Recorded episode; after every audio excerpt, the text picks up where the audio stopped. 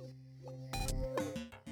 Qua vestigingsklimaat bedoel je ja en nee. We staan heel mooi op lijstjes, dat klopt. Staan we in de top 3 of in de top 5. Ik merk ook dat andere landen om ons heen, die gaan gewoon som, die gaan wat sneller. Omdat ze die kansen uh, ook politiek gezien wat sneller omarmen en daarmee aan de slag gaan. Welkom bij het ministerie van Digitale Zaken van NL Digital. Ik heb dit gelegenheidsministerie samen met Lotte de Bruin van NL Digital opgericht. Waar ik het meeste nog in geloof misschien is dat er hubs gaan ontstaan of dat die gebouwd gaan worden. Ook weer met name voor het Waar zij terecht kunnen om te kijken wat zij met, uh, met AI zouden kunnen. Dus er zijn ontzettend veel kansen. En over de bedreigingen moeten we ook de ogen niet versluiten. Maar daar gaat het al vaak over. Laten we het ook over de kansen hebben. Iedere aflevering praten wij met een hoofdrolspeler in de wereld van digitalisering. En vandaag de gast Ingrid Thijssen, voorzitter van de werkgeversorganisatie VNO-NCW. En ik heb ook nog iets meegenomen. Heb jij cadeautjes meegenomen? Ik heb cadeautjes meegenomen. Vertel. Nou, eentje. Omdat wij 100 jaar bestaan. Althans, vorig jaar bestonden wij 100 jaar. 18 september 1922 zijn wij opgericht. En dat hebben wij allemaal gevat in een boek. Dus dat boek wil ik heel graag overhandigen. Go for it. Wauw, dat jullie zo oud zijn, dat zou je niet meteen denken. Dat klopt. En wij zijn er heel erg trots op, omdat we juist al 100 jaar met de toekomst bezig zijn. En mensen denken, oh, het is een hele jonge sector, uh, maar met hele diepe wortels. Ja, wauw. Heel gaaf. Hoe heet het? Ik heb mijn leesbrilletje niet op, dus ik kan het niet zien. Vivka heette Vivka. de eerste Vivka. voorganger. Ja. Vivka. Het ging over kantoorautomatisering. Vereniging Mm. van importeurs en fabrikanten van kantoorautomatisering. Oh, cool. Kijk eens aan. Nou, Ja. super. Ingrid Thijssen, we zijn hier bij jou uh, op jouw kantoor. Wij hebben hier ons gelegenheidsministerie dus opgericht. Vandaag kwam er groot nieuws naar buiten. Jullie hebben samen met de werknemers en het kabinet allemaal maatregelen aangekondigd om de arbeidsmarkt weer een beetje uh, vlot te trekken. Uh, wat staat er allemaal over digitalisering in dat pakket? Nou, niks. Niks. Nee, niks. Nee, nee, daar gaat het ook niet over. Dus het arbeidsmarktpakket wat vandaag naar buiten is gekomen, dat gaat eigenlijk over ja, wat je zou kunnen zeggen, zoals in ieder geval wel door mensen gezegd wordt, uh, de doorgeschoten flexen, dus tijdelijke contracten, uitzendcontracten, et cetera. Het hard over het arbeidsrecht. Mm -hmm. En daar hebben we kleine twee jaar geleden in de Sociaal-Economische Raad afspraken over gemaakt. En dat moet omgezet worden door het ministerie van Sociale Zaken in wetgeving. Nou, een belangrijke tussenstap daarvoor is uh, nou ja, vandaag of vorige week afgerond en vandaag uh, naar buiten gekomen. Is onze economie digitaal genoeg wat jou betreft? Nou, het moet nog veel meer. Ik denk dat er dingen goed gaan in Nederland als het gaat over digitalisering. Uh, ik geloof dat we ook best mooie posities innemen op ranglijstjes, om het maar zo te zeggen. Maar er zijn natuurlijk ook dingen die echt nog wel beter moeten. Ja, en uiteindelijk is het natuurlijk digitaal is de toekomst. En gaat ook voor heel veel van de vraagstukken die we natuurlijk in de wereld hebben, die we ook in Nederland hebben, gaat het een oplossing zijn. Bijvoorbeeld in de zorg, waar natuurlijk uh, ja, de kosten de pan uitreizen met de vergrijzing. Maar ja, daar, daar moet ook de productiviteit omhoog natuurlijk. Omdat we straks, als we niet uitkijken, moet één op de drie werkende Nederlanders moet in de zorg werken. Ja, dat gaat natuurlijk niet. Mhm. Heel simpel gezegd. Dus er zijn digitale oplossingen bijvoorbeeld voor nodig. Maar ja, echt ja, overal natuurlijk. Het is eigenlijk een, uh, zo zie ik het altijd, een hele andere manier van denken waar we, waar we naartoe moeten. En overigens voor een stukje ook al zijn. Jij vertegenwoordigt natuurlijk bedrijf, het bedrijfsleven in de breedste zin van het woord. Lotte vertegenwoordigt echt de digitale sector. Lotte, als jij nou kijkt naar jouw achterban, hè, je kijkt naar de digitale economie. Mhm. Mm -hmm. uh, wat, waar, waar, doen we het goed genoeg? Want Ingrid is degene zij gaat er ook voor een belangrijk deel over. Hè? Zij Ja, heeft hier ja. echt de power om meer een verandering te maken. Ja. Wat, wat, waar zijn de behoeftes hier? Nou, ja, als ik de vraag zou moeten beantwoorden, is hij digitaal genoeg? Dan zeg ik nee, bij lange na niet. Omdat we natuurlijk zoveel kansen hebben. En dat vertaalt zich niet naar hoe hoog het op de agenda staat. Je noemde al zorg. Maar ook als het gaat om de stikstofproblematiek, de arbeidsmarkt hebben we het in een andere context uh, over. Um, daar speelt digitalisering is, is eigenlijk een middel om een doel te bereiken. En in dat opzicht staat het echt nog niet uh, genoeg op de agenda's, niet in de politiek. En ik denk ook niet op de verschillende bestuurstafels. Uh, daar komen we straks nog wel even verder op terug. Maar dus als je kijkt naar de kansenkant, zou ik natuurlijk, maar dat is niet gek als je kijkt wie ik vertegenwoordig, zou ik natuurlijk willen uh, dat dat veel hoger op de agenda staat. Niet alleen maar op operationeel niveau, maar juist ook strategisch en tactisch, omdat het ons heel erg kan helpen eh, in verschillende belangrijke maatschappelijke en economische dossiers. Ja, wat mijn eigen ervaring is, is dat het ook heel erg gaat over echt letterlijk anders denken. Dus niet meer, nou, jij zei net, we hadden het over VIFCA was het, hè, kantoorautomatisering. Niet meer, ik heb een proces en wat kan nou automatisering, digitalisering daarbij helpen, maar fundamenteel uh, eigenlijk anders denken, beginnen met visualiseren. Hoe je processen eruit zouden kunnen zien. Ook hoe je diensten aan, aan klanten eruit zouden kunnen zien. Um, nou, ik maak me eigenlijk, als het gaat over de, de digitale economie, over de grotere bedrijven wat minder, uh, wat minder zorgen. Daar is natuurlijk uh, veel kennis, daar is, ook, uh, daar is ook mankracht, menskracht moet ik zeggen. Mm -hmm. Maar kleinere ondernemers, daar zitten natuurlijk, ja, daar is de grootste ruimte voor verbetering, om het maar zo, om maar zo te zeggen. Die hebben natuurlijk niet die menskracht. Um, gaat ook over, over kennis en over geld. En het is ontzettend belangrijk dat we dat, we dat, dat we hen ondersteunen. Nou, twee dingen daarover. We hebben natuurlijk de zogenaamde AI-coalitie uh, opgestart vanuit hier de Malitoren, het kantoor van uh, VNO-NCW en MKB Nederland. Waarin we een hele grote alliantie hebben opgericht om met name ook het MKB te gaan eh, helpen om veel sneller gebruik te maken van met name ook AI. En daarnaast hebben we met het ministerie van EZK hebben we een interessant model getest eigenlijk. En dat wordt nu uitgerold om met kleine ondernemers, om die op het digitaliseringspad uh, te krijgen. En dat noemen we Mijn Digitale Zaak. En dat is eigenlijk een pakket waarbij je een scan kan doen van de digitaliseringsgraad van, van jouw onderneming. En dan krijg je ook een uh, advies van goh, over bijvoorbeeld best practices. Wat past nou uh, bij jouw type bedrijf? En dan nou, ook nog financiële ondersteuning om daar hulp bij te halen. Dus uh, ik ben daar echt super enthousiast en over. En als ze daar een onvoldoende scoren, dan stuur je ze gelijk door naar Lotte en naar achterban? ja, wat ik eigenlijk niet helemaal zeker weet, is in welke mate we daar samenwerken. Dat zal toch wel, ook met nee. EZK? Nee, nee, niet genoeg. Nee, nee, oh, dan, uh, nee maar, dit is, maar dit is heel logisch. Want dit gaat over een. Uh, kijk, ons, de digitale sector zelf, dus de digitale onder, de ICT-ondernemer, noem ik het maar eventjes. Dat is niet per se de doelgroep voor de digitale zaak.nl, uh, zeg maar, om zichzelf ja, daar doorheen te halen. Maar onze achterban ja. is juist zijn de, de, de makers van producten en diensten die die organisaties weer kunnen helpen in de digitale transformatie. Maar dat vraagt om een bewustzijn dat je, wat jij zegt, die kanteling eigenlijk, dat je anders kijkt naar digitalisering als middel, als strategie.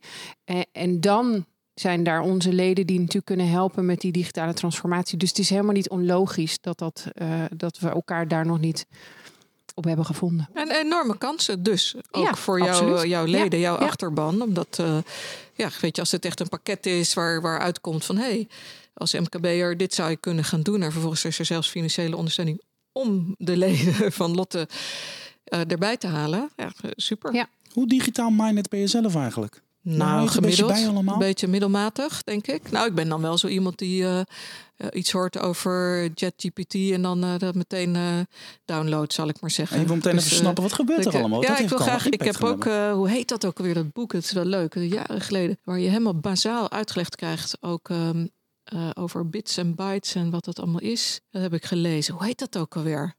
Nou, het heeft wel een gave naam. Nou ja, goed. Anyway. Oké, okay, maar je bent in ieder geval wel iemand die zegt van... Hey, er zijn nieuwe ontwikkelingen, Ik daar ben wil niet ik extreem handig, ben ik ook eerlijk uh, over. Maar, maar ik ben er wel heel erg in geïnteresseerd. Ook om de, en ik wil altijd weten hoe het zit dan en hoe het werkt. Nou ja, als het gaat over beleid voor Nederland en voor het bedrijfsleden... en impact maken, dan loop jij echt voorop. Dus ik ben heel blij dat we bij jou aan tafel zitten. De wereld is op vele, op vele fronten in transitie. Duurzaamheid, energie, digitalisering is nou een soort als een soort katalysator van al die ontwikkelingen kunnen noemen. Lotte, zeg ik, zeg ik dat goed? Zeker. Hoe, hoe zie jij dat dan? Digitalisering, wat dat gaat natuurlijk overal landen. AI, je, je noemt het net zelf. Dat, dat, er zijn heel veel schrikbeelden, doembeelden. Maar er zijn natuurlijk ook een heleboel artsen bijvoorbeeld, om maar wat te noemen. Die zitten te snakken om met dat spul aan de gang te gaan om mensen te genezen. Er zijn natuurlijk een heleboel mensen die willen onze verkeersstromen beter laten. Je kan natuurlijk duizenden en toepassingen bedenken. Wat, wat, uh, wat zie jij gebeuren als jij daarnaar kijkt? Ja, ik vind het wel mooi wat je zegt over die duizend en toepassingen. Want dat is eigenlijk wat ik bedoel ook met dat visualiseren. Dat er in bedrijven echt, nou, dat je je beeld moet gaan maken wat het zou kunnen doen voor, jou, uh, voor jouw business. En tot en met natuurlijk hele nieuwe businessmodellen ook. En ja, nou ja, you name it. Je noemt zelf al een aantal voorbeelden. Het kan uh, onder, ja, eigenlijk alle kanten op. Je kunt er onwaarschijnlijk veel mee. En dus is ook ja, super belangrijk. Al was het maar omdat natuurlijk, uh, als jij het niet doet, dan doet je concurrent het wel. Hè? Dus zo simpel uh, is het natuurlijk ook. En omdat het enorme mogelijkheden geeft, natuurlijk in die transities. Ik vind ook zo'n mooi veel, voorbeeld, de precisielandbouw. Waar je dan inderdaad uh, een robot voorzien van AI zorgt dat het precies de, de juiste hoeveelheid water en nutriënten en zo bij het juiste plantje precies komt. Ja, dat, dat helpt natuurlijk ook weer enorm in de combinatie van uiteindelijk voeding en duurzaamheid. Dus ja, er zijn extreem veel, uh, extreem veel voorbeelden van wat er, wat er mee te doen is. Dus ook super belangrijk.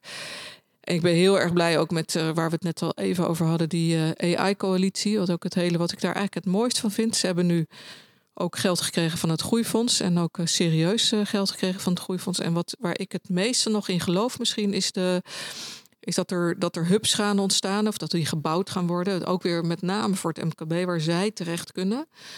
Om uh, te kijken wat zij met, uh, met AI zouden kunnen.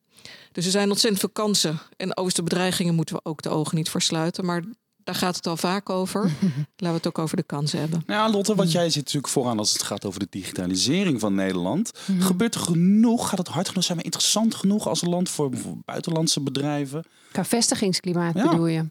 Um, ja en nee. We staan heel mooi op lijstjes, dat klopt. Staan we in de top drie of in de top vijf. En um, ik merk ook dat andere landen om ons heen, die gaan gewoon soms die gaan wat sneller. Omdat ze die kansen uh, ook politiek gezien wat sneller omarmen. Um, en, en daarmee aan de slag gaan. Kijk, als het gaat even, even dan wel technisch, om bijvoorbeeld onze infrastructuur, de Nederlandse infrastructuur, de digitale infrastructuur is fantastisch, is de beste in de wereld.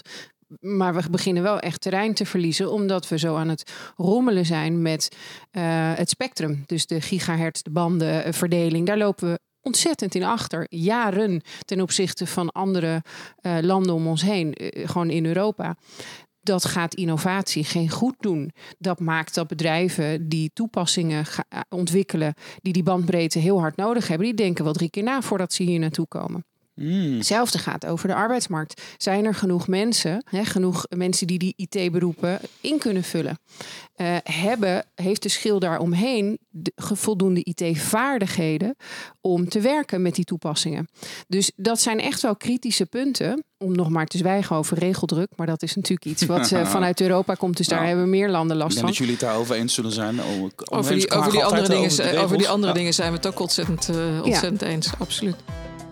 Lotte heeft een paar stellingen voor je meegenomen. Die gaan we aan je voorleggen en daarna kunnen we erover doorpraten. Als ik minister van Digitale Zaken was, dan zou ik meteen een digitale brainport in Nederland uit de grond stampen. Waar of niet waar? Niet waar, omdat ik niet goed weet wat we bedoelen met een brainport. Nou, we, hebben Schiphol, we hebben de haven en we gaan nu ook een, een digitale brainport bouwen. Ja, daar wil ik het zo dan nog wel eens even over hebben. Oké, oké. Volgende. Als ik minister van Digitale Zaken was, dan zou ik meteen een staatssecretaris van kunstmatige intelligentie aanstellen. Waar of niet waar? Ja, lijkt me wel een goed idee. Overigens kan een minister volgens mij niet zelf een staatssecretaris instellen. Maar goed, dat maakt niet uit. De kniezor die daarop let. Maar dat je daar iemand meteen voor bestelt, daar kan me iets bij voorstellen. Heel goed. Als ik minister van Digitale Zaken was, dan zou ik cybersecurity prioriteren. Want, eerlijk is eerlijk, ondernemend Nederland laat hier veel steekjes vallen. Ik zou het zeker heel belangrijk maken, prioriteren. Ik nou helemaal eens ben met dat het Nederlandse bedrijfsleven veel steken laat vallen. Dan kijk ik iets genuanceerder naar. ik had niet anders verwacht. Als ik minister van Digitale Zaken was, dan zou ik van digitalisering een verplicht vak maken. Ook al op de basisschool. Ja, minstens één uur per week. Digitalisering in het onderwijs. Applaus. Dat vind je wel wat, hè? Ja, daar ben ik het heel erg mee eens. Digitale geletterdheid, om specifiek te zijn. Ja, ik vind het echt bizar. Weet je, mijn zoon die is dan nu twee jaar uh, van het VWO af. Maar die is daar gewoon afgekomen zonder ooit één uur les te hebben op het gebied van AI, digitalisering, programmeren. Dus toch... de ethiek die erbij komt kijken? Ethiek, ja, maar laten we nou eerst eens zorgen dat ze het überhaupt kunnen. Dan doen we daarna de ethiek. maar, nou, maar, maar is, dat, is dat wat er nodig is, dat ze het kunnen? Of, of moeten ze allemaal leren werken? Nou ja, wat, wat, wat, moet ze eigenlijk leren? Digitale vaardigheden gaat over een viertal dingen. Dus het gaat over computational thinking. Hoe zet je digitalisering in om je doel te bereiken? Het gaat gewoon over de standaard informatica dingen, hardware, software. Hè? Maar het gaat ook over mediawijsheid. Uh, dus hoe herken je uh, fake news? Uh, de, de, allerlei leuke filmpjes van de paus met een bomberjacket. Is dat nou waar? Of die deepfakes, die gaan worden steeds beter. Hoe herken je dat? En het gaat over informatiekunde. die, die raken een beetje aan elkaar. Dus die mediawijsheid en informatiekunde. Dus het is allebei. Het is herkennen, ermee om kunnen gaan.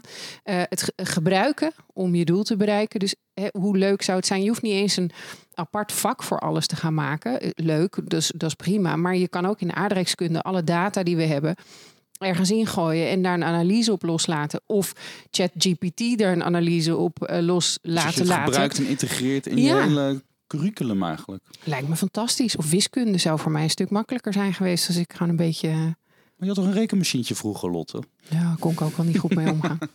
maar toch even die digitale brainport. Want we hebben Schiphol, daar zijn we trots op. We zijn trots op de haven in de mooiste stad van Nederland.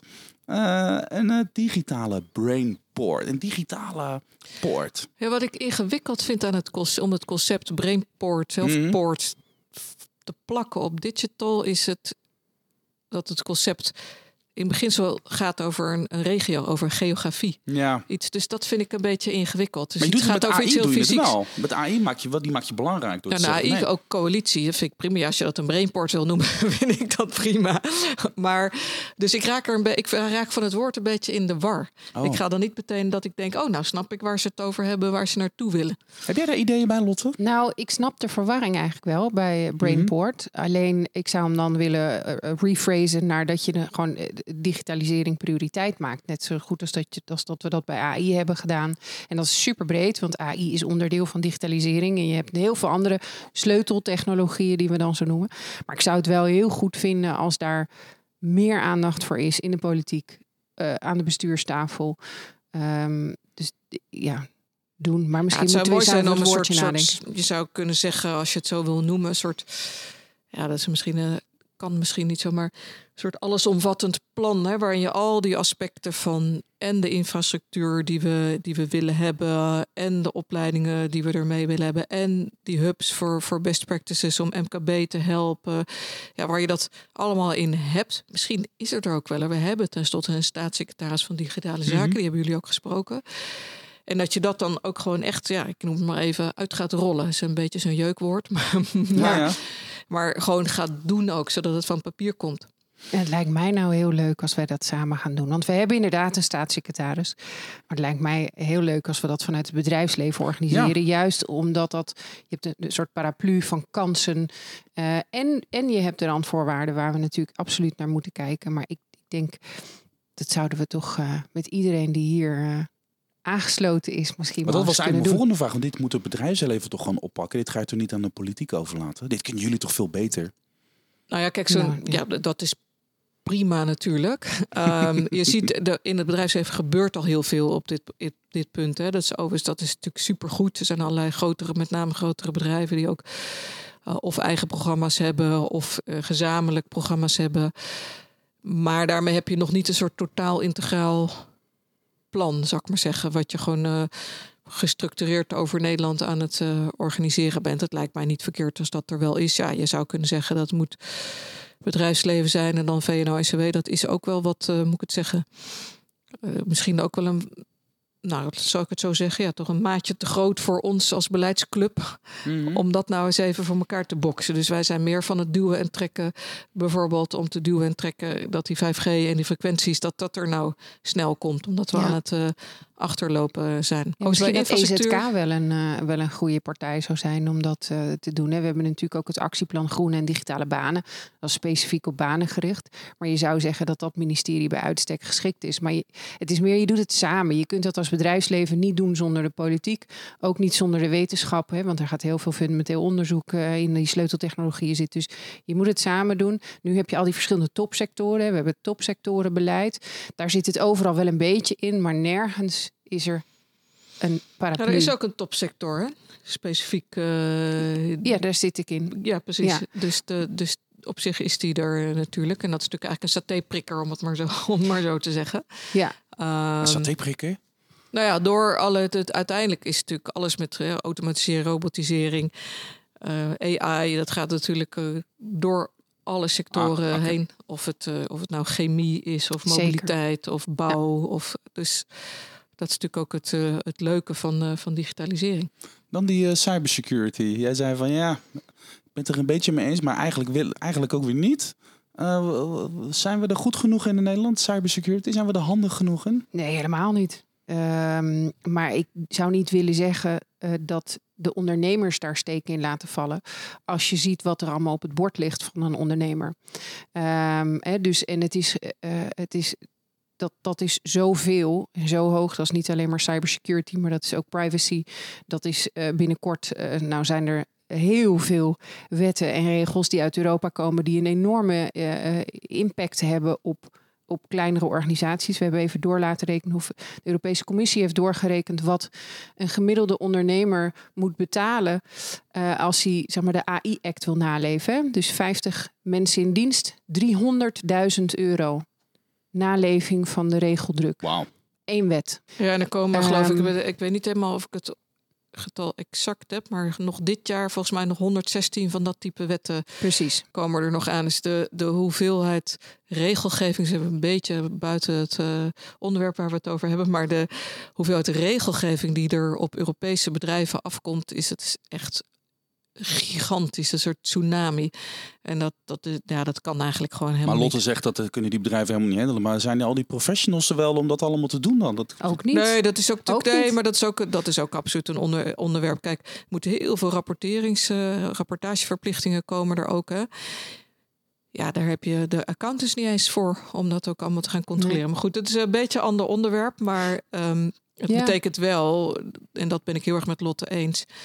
Ja, je zou wel willen dat, dat een ondernemer gewoon toekomt aan, nou ja, in de eerste plaats ondernemen. En in de tweede plaats de prioriteiten die daar dan bij horen. En dan is natuurlijk cybersecurity is er absoluut ook een van.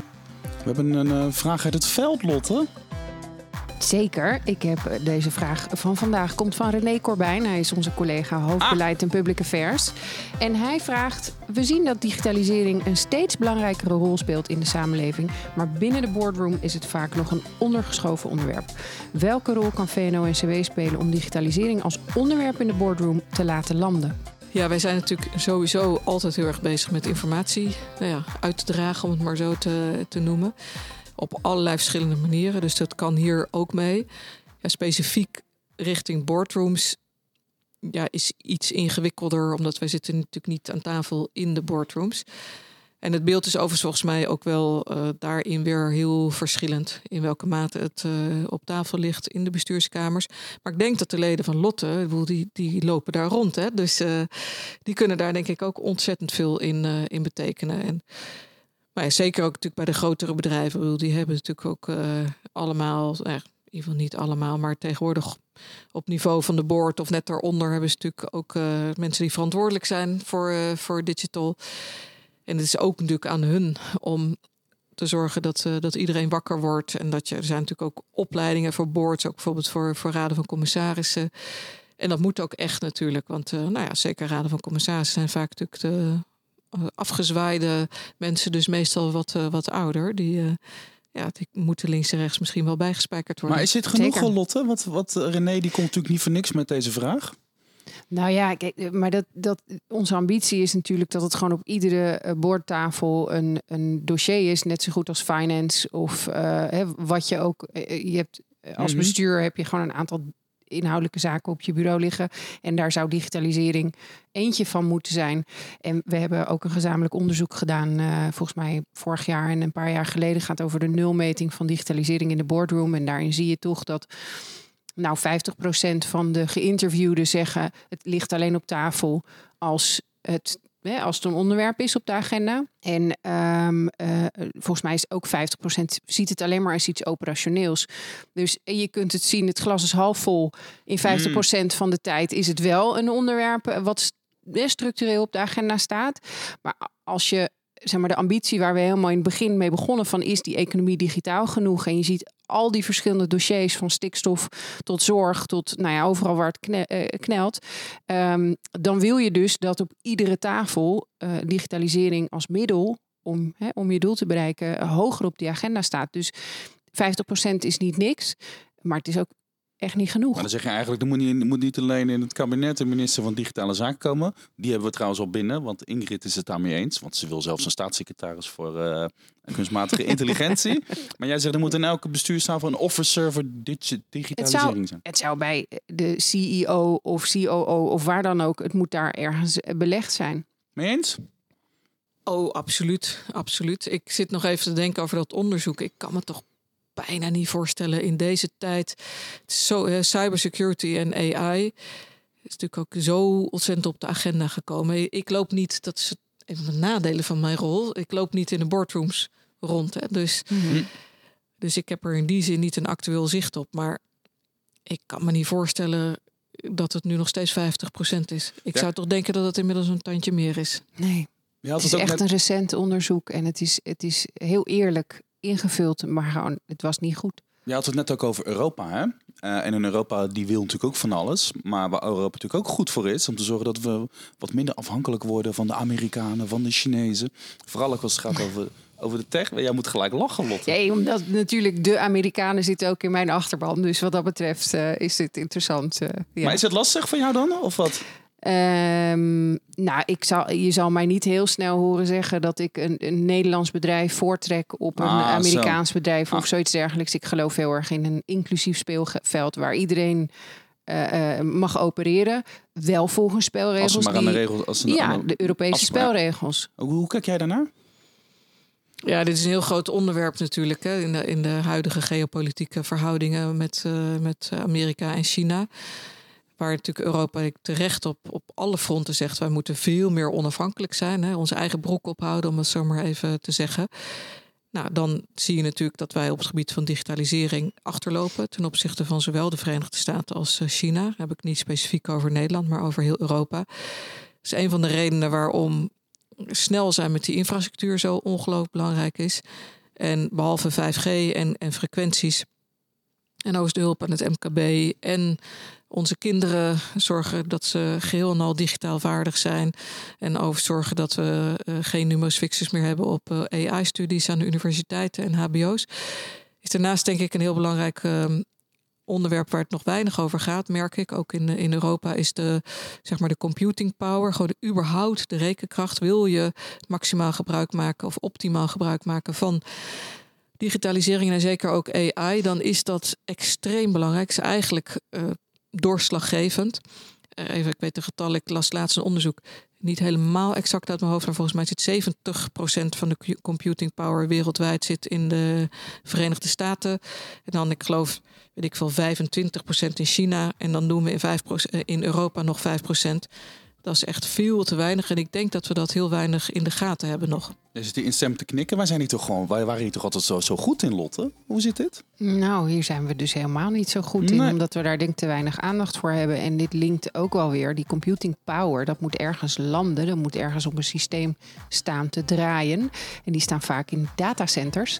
En daar vinden we van alles van, van datacenters, want die moeten hier weg, of die horen niet thuis, of die zijn vervuilend. Terwijl als je dus eventjes inzoomt daarop, wat er in zo'n datacenter draait, welke toepassingen daarop draaien en wat dat kan betekenen voor de, gewoon de, de economie, voor de maatschappij, voor de burger. Um, ja, dan, dan denk ik dat we anders moeten kijken naar datacentra. Mee eens? Zeker, absoluut mee eens. Kijk, de uitdaging voor de datacentra is denk ik met name hoe zorg je dat je ja, je datacenter goed inpast in de omgeving. Maar met name ook hoe je, hoe je zorgt dat het uh, maximaal duurzaam is. En dat bijvoorbeeld de restwarmte ook echt uh, nuttig gebruikt wordt. Minister uh, Thijssen van Digitale Zaken die komt straks ook met een staatssecretaris voor kunstmatige intelligentie. Mooi. We gaan het onderwijs helemaal onderdompelen in de digitalisering. En niet alleen als een vak één uur per week, maar we gaan het gewoon in alle vakken door laten stromen. Um, kan je een beetje je vinden in dit verhaal, Lotte? Ik hou ervan. ja? ja? zeker. Heb jij nog iets aan toe te voegen, Ingrid Thijssen? Nee, nee, zeker niet. Um, het is gewoon super belangrijk en uh, goed dat jullie ook uh, dit doen. Vooruit met de geit, zou ik zeggen. Ja. Dankjewel Ingrid Thijssen, voorzitter van werkgeversorganisatie VNO-NCW. En Lotte, ja? we hebben natuurlijk een heleboel andere leuke gasten in ons ministerie van Digitale Zaken. Er komen nog een paar ministers aan. We hebben al een paar hotshots gesproken. Ja.